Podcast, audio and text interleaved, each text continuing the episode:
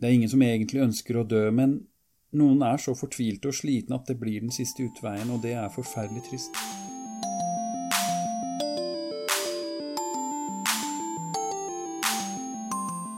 Hei, og velkommen til Sykepleiens podkast. Hva er egentlig sykepleie?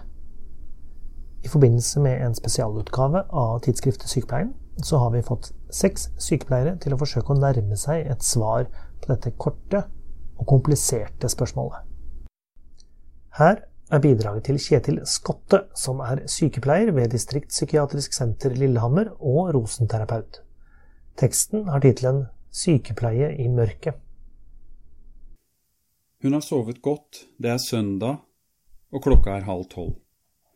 På tide å ta den praten jeg i to uker har villet, men som jeg ikke har kommet i posisjon til, siden jeg ikke er primærkontakt for henne, og heller ikke har vært dagskontakt.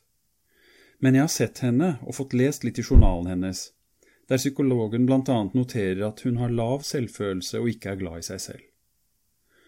Hun har utallige innleggelser bak seg, noen suicidforsøk også på post. Kan jeg bidra med noe?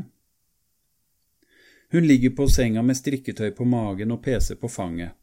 Jeg får sitte ned og kan stille det enkle og åpne spørsmålet hvordan har du det i dag? Hun forteller om de svingende følelsene hun hadde i en sosial sammenheng nylig, der hun kjente på gleden ved å være med venner og følte at hun ble satt pris på. Samme kveld kunne hun også kjenne på håpløsheten ved å være til stede. For hvorfor skulle hun fortjene å ha det bra sammen med venner? Hvorfor skulle de gidde å være sammen med henne? Jeg tenker ofte at de er sammen med meg bare for å være greie og for at jeg ikke skal være alene, mens de innerst inne egentlig ikke bryr seg. Det er jo helt håpløst, for jeg vet jo at de er vennene mine, og at jeg er heldig som har dem. Men jeg klarer ikke å tro på det, det er som om jeg straffer meg selv og ikke fortjener å ha det bra. Hvorfor er det slik, tror du? Pasienten snurrer seg litt inn i noen tankerekker, men jeg spør igjen om hvorfor hun føler at hun ikke er verd å ha disse vennene, hva kommer det av? Jeg hadde en mor som avviste meg mye i barndommen. Hun var alenemor og hadde nok med brødrene mine, de tok mye plass. Jeg lærte meg at mine følelser ikke betydde noe, at jeg ikke måtte bry henne. Så det har blitt et mønster at du ikke er verd det samme som andre. Ja, det blir som om jeg avviser meg selv, og så lar jeg andre avvise meg. Ja, du har lært at du ikke kan ta plass, er det ikke på tide å bryte det mønsteret, spør jeg. Jo, men jeg tror ikke jeg klarer det. Hva er det som er vanskelig? Jeg klarer ikke å si til meg selv at jeg er god nok eller verd å like. Jeg tror ikke på det. Jeg har lest litt i journalen din om alle de tøffe stundene og depresjonene du har, og at du har vært mye innlagt. Jeg tror at du kan bryte den tendensen og begynne å bli mer glad i deg selv og innse at livet er verdt å leve. Det vet jeg at du klarer. Jeg vet det fordi jeg selv har hatt lignende tanker, men jeg har jobbet med å endre tankene mine fordi det er faktisk mulig, og etter hvert har jeg sett at jeg har mye å være takknemlig for og mye å leve for. Skriver du dagbok, spør jeg. Jeg har gjort det av og til, men jeg orker egentlig ikke, selv om jeg tror det er lurt. Ja, det er det. Et tips kan være å skrive ned tre ting hver kveld før du legger deg om hva som har vært bra med deg i dag. Tre ting der du kan skryte litt av deg selv, helt enkle ting.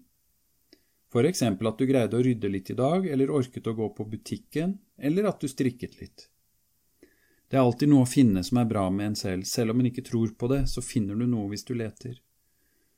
Jo, det er sikkert en god idé, men jeg tror det er vanskelig å få til. Jeg er så vant til å tenke at jeg ikke fortjener å ha det bra.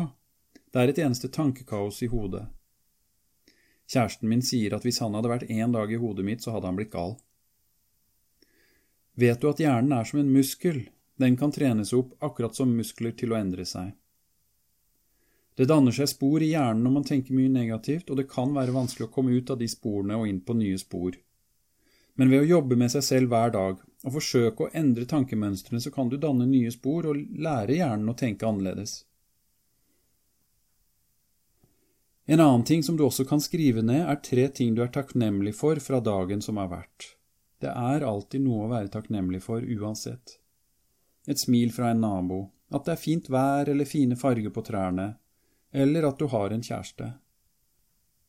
Hvis man begynner å se etter de gode tingene, så går det an å se at de er der, og at det er mye liv å være takknemlig for.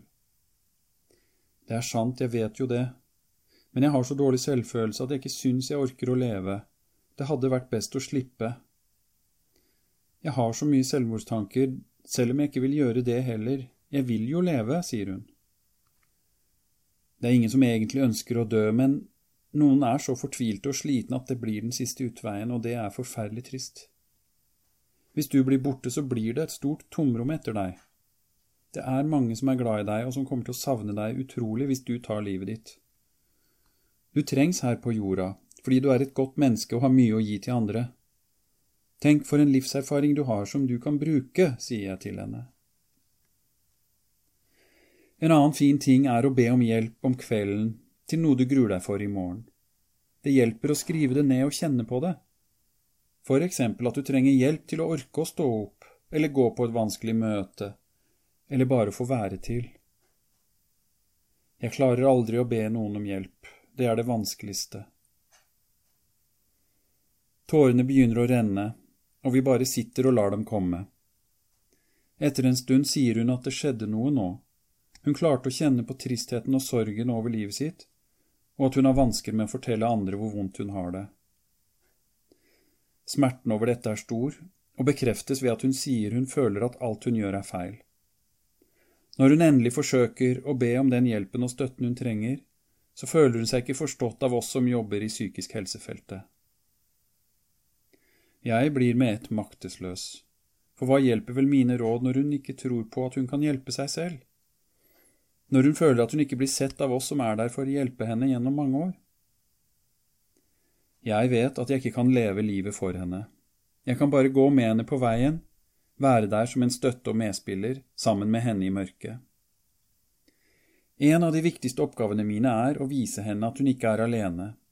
Vise henne de små stripene av lys som skinner inn, og forsøke å gi henne litt håp for livet. Gi henne litt verktøy, en tro på egen kraft, den sterke kraften som ligger i oss alle og som får oss til å leve videre. Jeg vet at det nytter, jeg vet at det alltid er håp. Hvis vi jobber sammen, spiller på samme lag, alle vi som er rundt, psykolog, psykiater og miljøpersonale.